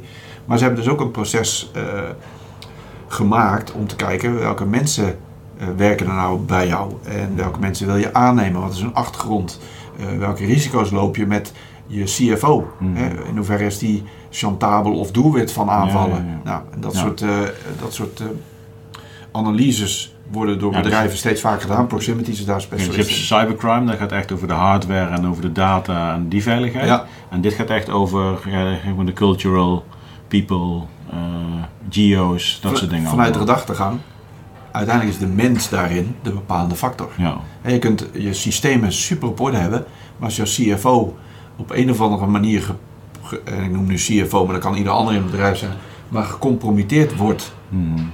Op een manier die je niet kent en weet, dan ligt daar een, een behoorlijk risico Ja. en kan daar liggen. Ongeacht dat je je cyber firewalls allemaal prima op orde hebt om Ja, wat ja. Als de CFO een USB-stickje erin duwt om data eruit te trekken, dan gebeurt het. Dus als je die CFO ook al... Of op, op andere manieren. Ja. Gewoon zijn tasje uitloopt, eh, à la. Ja, ja. Met, eh, kijk eens wat ik bij me heb. Hè? Geen kwaad bewust, maar toevallig op de parkeerplaats staat er iemand klik, klik, klik, klik, klik te doen. Was dat bewust dan, denk je? Oh, dat weet ik niet. Oh, dat, dat weet ik niet. Nee, maar in dit geval zou het dan wel bewust kunnen zijn. Ja, ja, ja, ja, Als je ja. het hebt over eh, bedrijfsspionage en alles Ja, wat ja, daarmee ja. samenhangt. Ja, dan, ja, eh, ja. ja. Nou, Heeft, misschien... eh, heeft Ollongren een goede tip gegeven aan iemand? ik. ja, nee, dit was gewoon knullig, denk ik. ja, ik weet Maar een hele hoop mensen zeggen, nee, dat was bewust, dat was Ja. bewust. Ja, ik weet het niet. Dat, prima. eh, dat zijn, maar waar ben je er meer, meer, meer druk mee? Wat zijn de plannen, Patrick? Want je bent natuurlijk vooral ook met gezonde sport. Eh, Ik zie je veel, eh, veel op social natuurlijk ook. Is ook inspirerend, dat is leuk. ja, Nou, het uitsproken mening, dat activeert ook zeg maar de hersentjes van anderen. ja. Ja. Vaak ben ik het met je eens, soms denk ik niet, maar dat is Ja, maar prima, want dat is leuk, Ja, weet je wel. Dan prima. Ik krijg je bedoel, ook een ik, interactie. Het, waar ik me bewust van ben, maar eigenlijk misschien niet zoveel mee doe, is dat de uitingen die ik doe, geeft ook een perceptie bij mensen. Hè? En, het merendeel van de mensen checkt die perceptie niet. ja. En die hebben dan een, een oordeel gevormd. Nou, dat, niks menselijks is ons vreemd, doe ik ook wel. Maar ik vind het altijd wel eh, een uitdaging om te proberen dingen zoveel mogelijk van verschillende kanten te bekijken. hè. Dat vind ik Mhm. interessant, sowieso. Maar ik vind het ook eh, eh, de moeite waard. Omdat je daarmee probeert je oordeel even wat uit te stellen. Mhm. Eh, maar wat houdt mij bezig? Ja, ik vind mijn werk gewoon super gaaf. Ik ben best wel een workaholic. Ik zit, ik denk dat ik lange dagen maak zonder dat ik daar energie op verlies, want ik vind het gewoon veel te leuk. Mhm. Eh, eh, ik vind het fantastisch om eh, de ontwikkelingen te volgen die er, die er zijn in technologische zin en dan te bedenken, hey, als ik dat eens loslaat op deze materie, dan ontstaat er een nieuwe mogelijkheid voor onze business om te groeien. Dus hey, dan ga ik maar aan de gang. Vind ik super gaaf. Echt, Ja. dat is mijn vak. Vind ik, vind ik echt super leuk. Ja, het sporten is voor mij heel belangrijk. Ehm, Heb je dat altijd gedaan, dat sporten? Zo, zo Nee, dat is eigenlijk wel, ja, ik heb wel altijd, altijd gesport. Maar eh, bij mij is de sportverzwazing wel ontstaan eh, toen ik bij eh, het KST zat. Mhm. En dat, daar werd het een en ander losgemaakt door mij. En daarna ben ik echt qua sport gegaan. Een wappie. Echt Sportwappie. extreme dingen gedaan, zeg Ja. maar. Hè, met adventure races die ik gedaan heb van acht dagen lang. Acht dagen en nachten. De Eco Challenge. Fantastisch om te doen. Dus dat bestaat Maar hoe, hoe gaat die? de Eco Challenge? Ja, dat is je moet, toen de tijd. eh, praat ik over, eh, ik heb dat in 7, 8 en 99 gedaan. Eh, moest je een team van vier personen hebben, man en vrouw. En dan deed je, de start was op plek A en eh, 800 kilometer verderop lag de finish. Mhm. En zolang je erover doet, zolang doe je erover. Ehm, wanneer je slaapt moet je zelf weten. Of je slaapt moet je zelf weten. En het vervoer daartussen is je maat 44. Eh, soms een mountainbike, paardrijden, eh, kajakken, raften, bergbeklimmen. Nou, dat soort dingen zitten er allemaal in. Continu oriënteren via posten. Mhm. Eh, er zat strategie in, omdat je kon van tevoren, eh, er waren een aantal posten waar resupply points. Nou, dan ging je dus uitrekenen met elkaar van oké, eh, we zitten op de fiets. De afstand is 120 kilometer, daar doen we ongeveer zo lang over. Eh, hoe ziet het terrein eruit? Oh ja, zo, prima, dan doen we nog wat langer over. Eh, dus we moeten voor drie dagen eten mee hebben. Maar ja, waar je geen rekening mee houdt, is dat het ziet er zo uit. Maar het is een cactusveld, bij wijze van spreken. In Marokko was dat bijvoorbeeld. Ja, kreeg je op, eh, op een, een stukje van eh 5 kilometer eh, vier lekke banden. Eh, of het wildwaterstuk, wat je met een rubber bootje deed. Ja, die boot gaat lek. Hmm. Nou, dat vertraagt 24 uur. Ja. Eh, Oké, daar hadden we geen eten voor. Nou, dat soort dingen, dat is allemaal leuk. Maar is dat georganiseerd? Is dat? Dat wer- was toen georganiseerd. Ja. Dat werd toen eh, door Discovery Channel georganiseerd. is toen ook vaak op de eh, Discovery Channel uitgezonden. En in eh, 2003 of zo is dat gestopt. Er waren wat noodlottige ongevallen geweest. Zowel bij de Raid Gouaz als bij de Eco Challenge. En toen zijn die wedstrijdorganisaties hebben gezegd, we doen het niet meer. Het is te gevaarlijk. En eh, vorig jaar is weer de Eco Challenge nieuw leven ingeblazen door Bear Grylls van Mhm. tv, Bear Ja, Grylls. Nou, die heeft dat weer opgepakt samen met ook de toenmalige directeur, Mark Burnett. En die hebben weer een nieuwe Eco Challenge gedraaid. Ja, toen ik dat zag, dacht ik, ja, ik ga het niet meer doen, want ik heb there, done that en eh, ben ook wat ouder. Maar dat is wel een gaaf fenomeen hoor, dat eh, adventure race. Ja, ja. Ja. En ja, wat ik zeg, ik heb... Ik, ben, ik ben nu 43, is dat nog haalbaar? Ja. Ja. Nee, zeker. Zoiets, ja. Wat, wat zijn vergelijkbare dingen of dingen die je dan nog wel wil doen?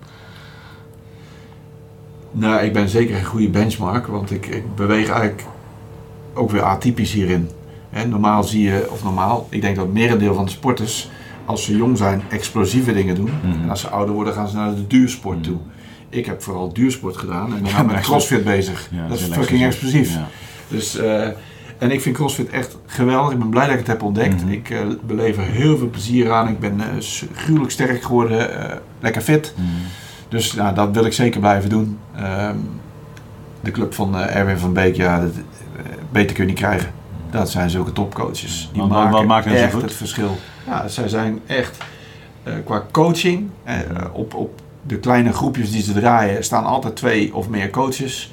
En die coaches die, die letten op hoe je de oefeningen uitvoert, letten op techniek, eh, ehm, geven daar ook de goede aanwijzing op, zijn in staat om een, om een bepaalde beweging te analyseren in, en op te hakken in verschillende stukken van bewegen. Waardoor ze zeggen, hey, dit stuk gaan we eerst eens even op trainen, want daar ontbreekt het aan bij jou. Ja, eh, dat zijn echt toppers. Mhm. Plus, eh, ze zijn niet alleen maar bezig met oefeningen en, en, en kracht, maar ook met je leefstijl en voeding. Ja, ik, ik vind, ja, en ik ben daar echt eh, super blij mee dat ik voor hun heb gekozen, want ze zitten niet bij om de hoek. Hè. Ik, Hoe ben je eh, bij hen terechtgekomen? Omdat ik ging zoeken eh, wie de meeste ervaring heeft op CrossFit. En, Dus niet zo dat je Erwin al kende of zo, echt Nee. puur Nee. toevallig. Ja. de CrossFit Games, dat is waar ik mijn eerste kennismaking had met CrossFit Mhm. op Netflix. En toen dacht ik, jezus, hé, dat zijn godverdorie biggels. Mhm. Dat wil ik ook.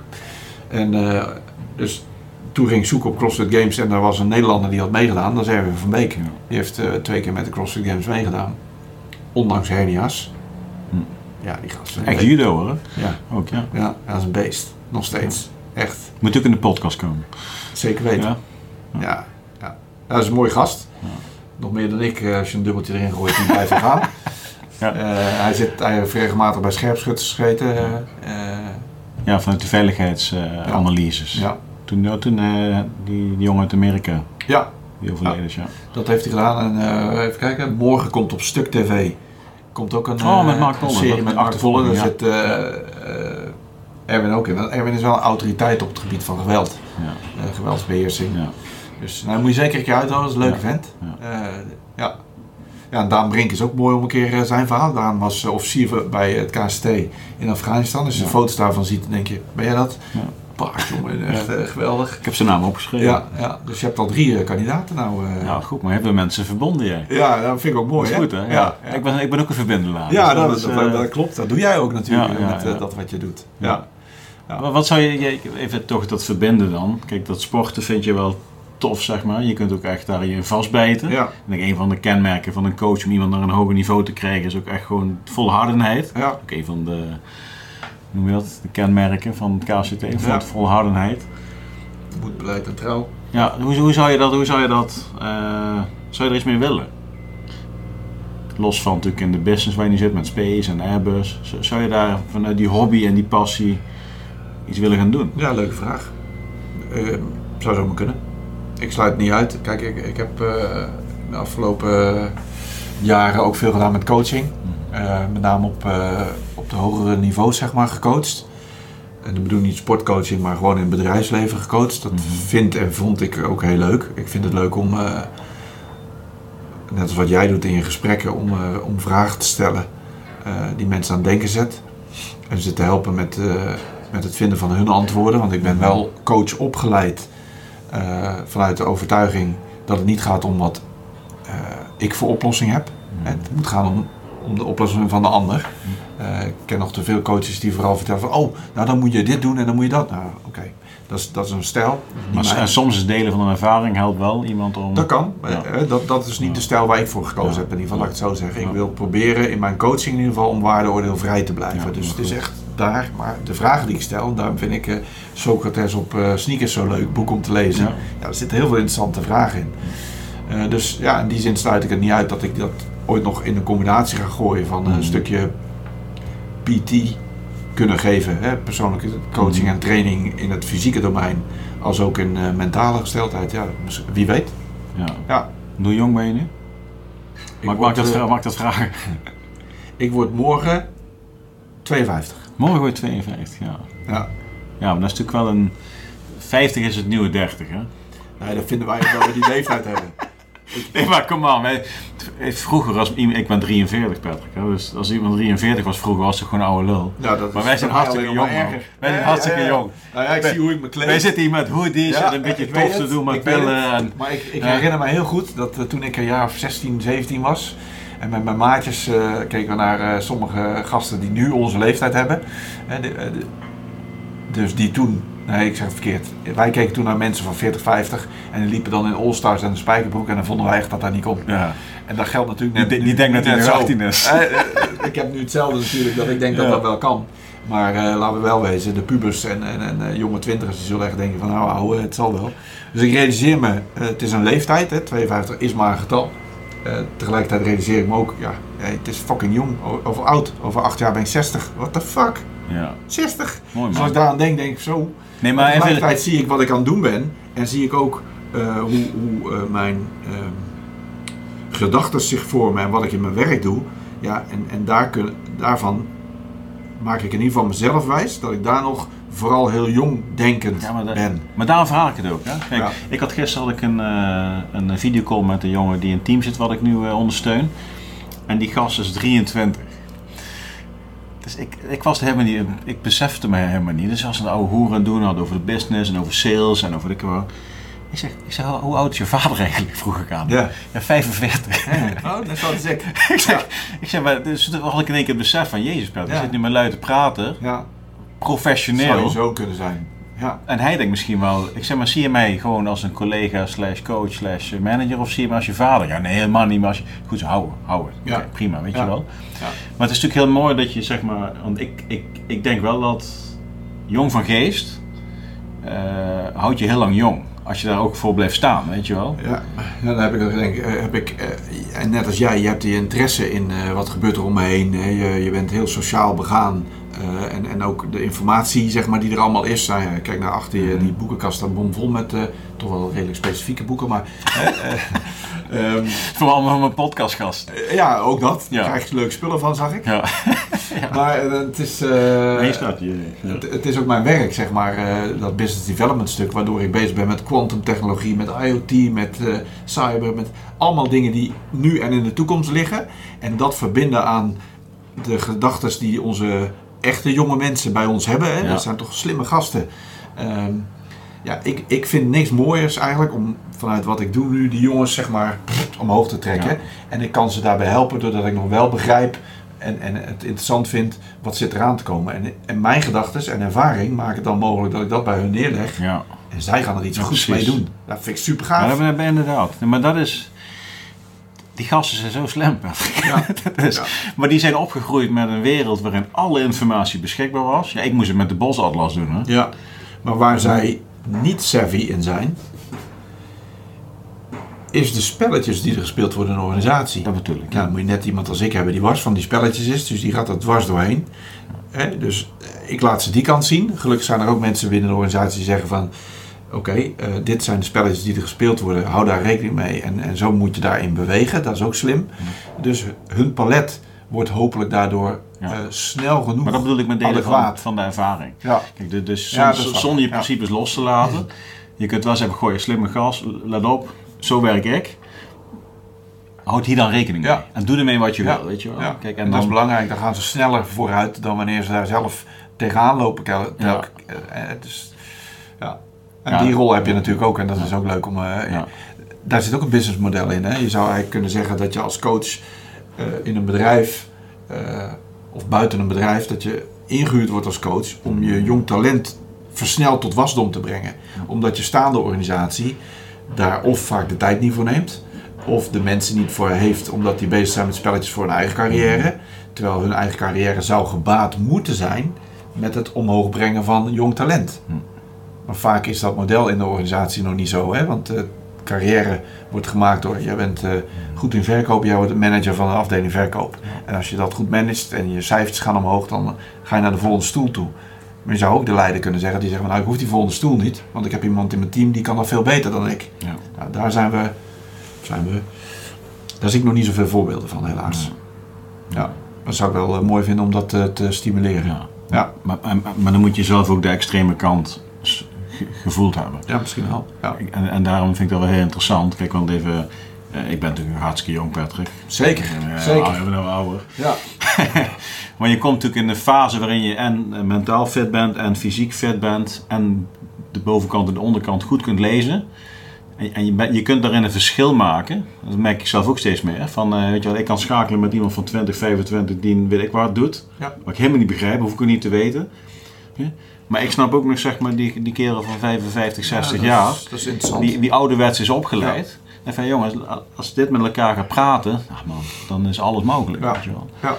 Maar goed, dan, dan verbind ik jullie en dan ben ik weer weg. Weet je wel, en dan is dat... eh, Ja, ja. het is mooi om eh, een beetje die, proberen die uh, Haarlemmer olie te zijn eh, in het geheel. Waarbij ik me, als ik het nu uitspreek, ook weer realiseer van ja, en ben je dat dan wel? Of ben je dan zelf eigenlijk ook misschien wel, als je niet oppast, eh, die rubberen tussenlaag aan het Mhm. worden? Hè, die zegt van nou, ik weet niet of dit wel gaat werken. ja. Eh, hoe kun jij dat dan bepalen? Hè, maar dat zijn processen die onmiddellijk door mijn eigen hoofd gaan. Ja.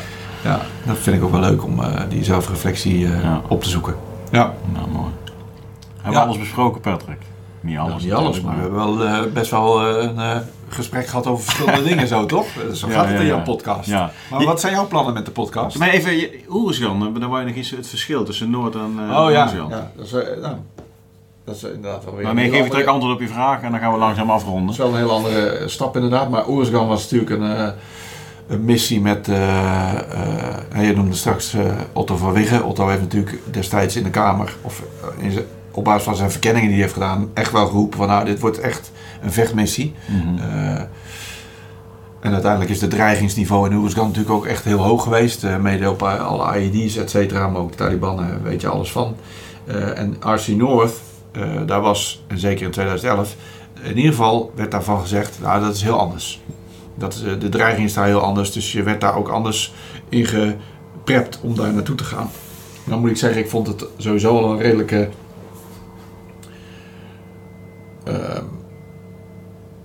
Ik werd even wakker, laat ik het maar zo zeggen, toen ik in Oeruzgan aankwam op kamp Holland. Want ik was natuurlijk opgeleid van het KST Mhm. in dienstplicht. Hè, in de eindjaren ja, 1981.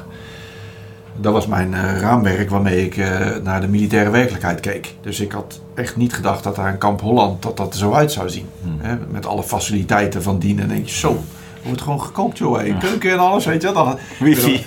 ja, precies. Ik weet nog dat ik mij eh, voor het eerst na mijn diensttijd dus en, en eh, die eh, reserveofficiersopleiding te hebben gedaan, dat ik dan aanklopte bij eh, de kazerne van mijn eenheid waar ik me moest melden. Nou, ik meldde me dus inderdaad gewoon Mhm. op de drempel van de, Ja. van de kamer van de betrokken kapitein. En ik meldde mij ook gewoon van, nou, de luitenant Waldhuis meldt zich. Die keek hem aan van, joh, kom gewoon binnen. Dus, nou, dat was, precies. Hè, dus dat was even van, oké, dat was oud en nu doen ze het anders. Dat prima. Nou, Oeruzgan, die dreiging. RC Noord werd gezegd, dat is een heel andere dreiging. Nou, kamp Marmal, het Duits geleide kamp in Mazar Sharif. Dat was, zo, dat was groter dan eh, kamp Holland. Met drie restaurants en het Amerikaanse defect met eh, kreeft en eh, hamburgers op zondag. En ik denk, of eh, biefstuk zelfs, ik dacht, surf en turf, ijs. En ik dacht, jezus, wat is dit dan weer voor een camping? Maar goed, er werd ook gezegd dat het dreigingsniveau anders was. Nou, dat, dat, dat, dat viel dus wel vies tegen. Want we hebben daar heel vaak ramp ceremonies gehad. Mhm. Eh, en ehm, een van de meest indringende was eh, dat er, eh, er was een meeting tussen de kom van RC Noord en eh, de kom van eh, het Afghaanse leger daar. Eh, 209 eh Anacor. En ehm, die hadden een meeting en daar ging een eh, suicide eh, ID af. Eh, en die heeft eh, flink huis gehouden, zeg maar. Eh, die had flink wat schade aan onze eigen kom. Die moest daardoor naar huis voor repad en herstel, et cetera. Eh, zijn tolk om het leven. Nou, Er waren toch veel slachtoffers bij. Dus dat zette je eigen bril van, nou, het is daar een heel ander dreigingsniveau. Mm. Wel weer even terug op aarde van, nee, dat is helemaal niet anders. En dit, zeker in de meest westelijke provincie van Noorden, daar werd, was gewoon iedere dag een tik. Ja. En, dus dat was, was niet per se anders. Nee. Ja. Nee, dat hele land. Dat is, er, er, is voor, er is meer gebeurd dan alleen de Belushi-vallei. Ja, dat sowieso natuurlijk. Dat was Heel veel Nederlanders die, die, die weten dat helemaal niet. Nee, ik vond het. Ik moet zeggen, ik heb eh, over RC North eh, vanuit het eh, oosten naar het westen toe heb ik helemaal overheen gevlogen in helis. Ik vind het een fantastisch land om te zien. Het avontuurlijke in mij dacht gelijk van, jezus, dit is gaaf als je hier doorheen kunt trekken en rennen en kijken, gorge. En, fantastisch jongen, echt geweldig. En ook hoe dat de bevolking daar in die omstandigheden eh, ja, voor hun toch het beste van weten te maken, vind ik knap. Ik heb me vaak gerealiseerd van, nou, ik vraag me af of dat wij Nederlanders dat kunnen. Met, met zulke beperkte middelen en de gezinnen die ze daar hebben, toch het leven leiden wat ze daar leiden. Vind ik heel knap. Ehm, maar ja, goed, het, is, eh, het, is, het blijft een eh, enorme speelbal, lijkt het Afghanistan, van, eh, van geopolitiek en van, ja, toch, toch van, van financiële Ja. machtszaken die, die, ertoe, die ervoor blijven zorgen dat die poppyvelden en de drugstoestanden, et cetera, dat dat zo blijft. De arm van Kabul is natuurlijk niet zo lang. En in al die regio's waar wij zitten maken plaatselijke warlords gewoon echt de dienst uit. Daar heeft Kabul niks over te vertellen. Ja. 20, 20 jaar houden gezeten als we weggaan. Ja, en, en, en dan blijkt maar weer dat zeg maar, als de belangen er schijnbaar niet meer zijn, dan is het eh, de interesse en de oprecht interesse in de bevolking Ja. was achteraf ook maar eh nep. Moet ik het eventjes. ja, ik denk dat dat, eh, ik weet niet of dat zo is. Eh, ik denk dat bij jou zeker niet zo is. Ik denk dat het bij mij ook zeker niet zo is. Dat de mensen met wie je daar gewerkt hebt, ook lokale mensen, dat dat gewoon op dat moment ook warm was. En, en, en voelden als zijnde van, nou, hey, eh, hartstikke mooi Mohammed, eh, we gaan je helpen. En ehm, eh, ja, wij zijn niet de bepalende factor geweest om daarheen te gaan. We zijn ook niet de bepalende factor geweest om daar weg te gaan. We zijn alleen maar de uitvoerders geweest van oké, we gaan dan ons ding doen. En eh, dat doen we het beste kunnen met alle inzet die we hebben. Nou, dat vind ik te prijzen en te waarderen. Ik heb daar deel van uit mogen maken wat ik fantastisch vond en niet had willen missen. En eh, ik hoop voor, voor de lokale bevolking daar dat, eh, ja, dat ze op een, eh, op een eh, zo fijn mogelijke manier door kunnen gaan. Ook, en misschien wordt het wel veel beter als, als daar eh, geen internationale militaire troepenmacht weer, Ja. weer, weer is. Dat weet ik niet. Ik weet het echt niet. Nee. Ik heb die mensen regelmatig ook horen zeggen van, eh, of uitingen zien doen van joh, met de Taliban wisten we tenminste waar we aan toe waren. Nu is het iedere dag anders. Ja. Complex. Ja, dat, dat is het, heel complex. Ik denk dat als we één ding geleerd hebben daarvan, dat is, mijn, dat is dan even mijn laatste opmerking erover, maar als we één ding ervan geleerd hebben, dan is het als je met een westerse mindset een westerse oplossing daar komt brengen, ik weet niet of dat nou de meest slimme aanpak is. Nee, nee, nee. Nee, ik gebruik, we we ronden het zo af, maar ik, ik gebruik al twee voorbeelden. Dat is de waterpompen en de schools, en de schooltjes. En eh, ja goed, toen wij kwamen, we niet, het was heel snel anders, zeg maar, heb ik ook wel over verteld. Maar eh, ik, ik hoorde later dus dat de, je hebt er van die hele mooie irrigatiekanaaltjes toch, die ze allemaal dan eh, met klei. Ja, die Afghanen kunnen water tegen de berg op laten lopen hoor. Ja, en toen kwamen wij, slimme mensen uit het Westen, waterpompen. Dus die eeuwenoude waterlagen, die waren Ja. binnen een jaar tijd waren die helemaal Ja. uitgestorven. Ja. Want ja, we hebben de hele structuur verneukt, zeg maar.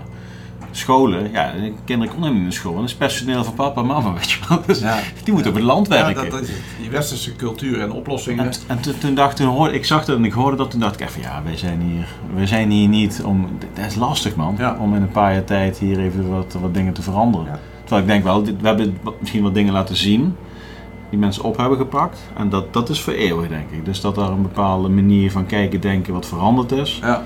Ik denk dat dat dankbaar werk is geweest. En, eh, maar goed, van die waterpomp daar hoeven ze niet te hebben. Ja. Nou ja, ja. Het, is, eh, het, het is wat je zegt, het is complex. Ja. En, ehm, maar ik denk echt dat de westerse blauwdruk en, en bijvoorbeeld streven naar stemmen en democratie. eh, moet je toch altijd afvragen als je een land hebt eh, waar eh 200, 300 jaar eh, eigenlijk bepaald wordt eh, van familie op familie Ja. op familie op familie hoe dat de zaken lopen. Of dat dan, eh, we gaan een eh, verkiezing houden, of dat dan eh, de oplossing gaat zijn voor Ja. alles wat daar gebeurt. Dus, Ja. Nou goed, mooie ervaring voor ons allebei. dat is het, dat is het. Ik had het niet willen missen. Echt heel mooi geweest. Ja, Nou, jij vraagt de podcast. ja wat ga jij, eh, zijn jouw toekomstplannen met, want je hebt er een aan toegevoegd nu, hè? Pet Talk. Ja, ja, ja. Ja, Dus, eh, ja, van de bekende TED Talk. Ja, dat vond ik heel leuk gevonden, maar het is ook Pet Talk, dus dat is mooi. Hè? Dat zijn monologen van een eh 20 minuten tot een half uurtje of zo. Ja, wat, ik. wat, wat, eh, kijk, dit blijf ik gewoon doen. Ja. Dat vind ik leuk. Ook gewoon, zeg maar, eh, kennis tot me nemen. En het is ook leuk om gewoon die gesprekken te hebben. En eh, eh, ja, om de twee weken zal het zijn. Maar ik wil daaromheen nog gewoon één keer in de week, één keer in de twee weken gewoon eens even de microfoon aanzetten. En gewoon, nou, gewoon even dingen delen, weet je wel. Ja, goh, je hebt vandaag met het team gewerkt en ja, dit, eh, dit is er gebeurd of iets op televisie gezien en eh, korte gesprekjes. Ja, dus eh, Wat goed. dat is leuk. Ja. ja, goed. En daarnaast ben ik natuurlijk een paar mooie dingen aan het ontwikkelen die, die staan op de site. Met dat- Six Star. ja, en dat, Ja. Zal, dat zal ik echt wel, wat we net een beetje over hadden, dat als, als een, een externe partij gewoon echt, echt wel het verschil maken binnen de organisatie om die verbinding te creëren tussen, tussen de verschillende lagen. En dat, dat, dat is gewoon heel erg leuk. En ik wil ook in de toekomst de podcastgasten eh, ja, wat minder uit de militaire hoek gaan trekken. Ja, goed, we, zijn er al een tijdje uit, maar Ja. echt wat meer richting de business kant Ja, gaan. ik denk dat het... eh, Eh, dat is ja. leuk, weet je wel. En dan, want daar zit gewoon heel veel kennis. En dus dat is leuk, ja. En in welke richting zoek je dat dan? Want, want ik hoor, denk ik, dat je je Six Star Leadership ook, Mhm. ook meer wil gaan inzetten voor die businesskant, denk ik dan. Ja, ja. Oké. En, en ehm, nou, ja, Hoe goed, bedoel je? Hoe bedoel je? Nou, kijk, als je dan zoekt naar andersoortige gasten.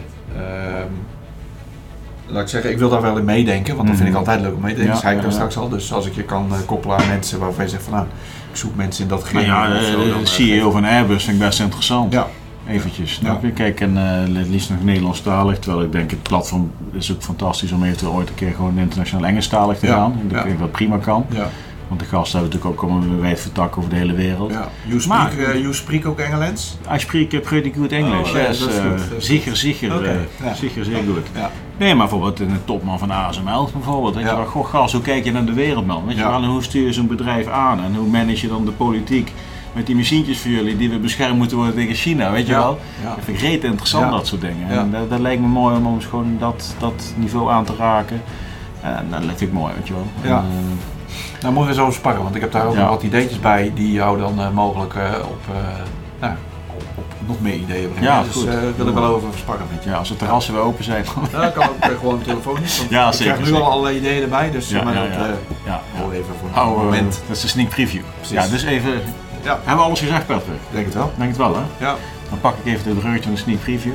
Ja, dus ga ons volgen, zeg ik altijd. Hè? En zoals Ken zegt, motherfuckers, maar dat moeten wij niet doen. Nee, hè? nee, nee, blijf authentiek. Blijf authentiek. Blijf authentiek. Nee, Patrick, bedankt eh, dat je er was. Graag Superleuk. gedaan. Leuk om te zijn. komen. Ja, en Ja. ik, eh, kijkers bedankt, luisteraars bedankt.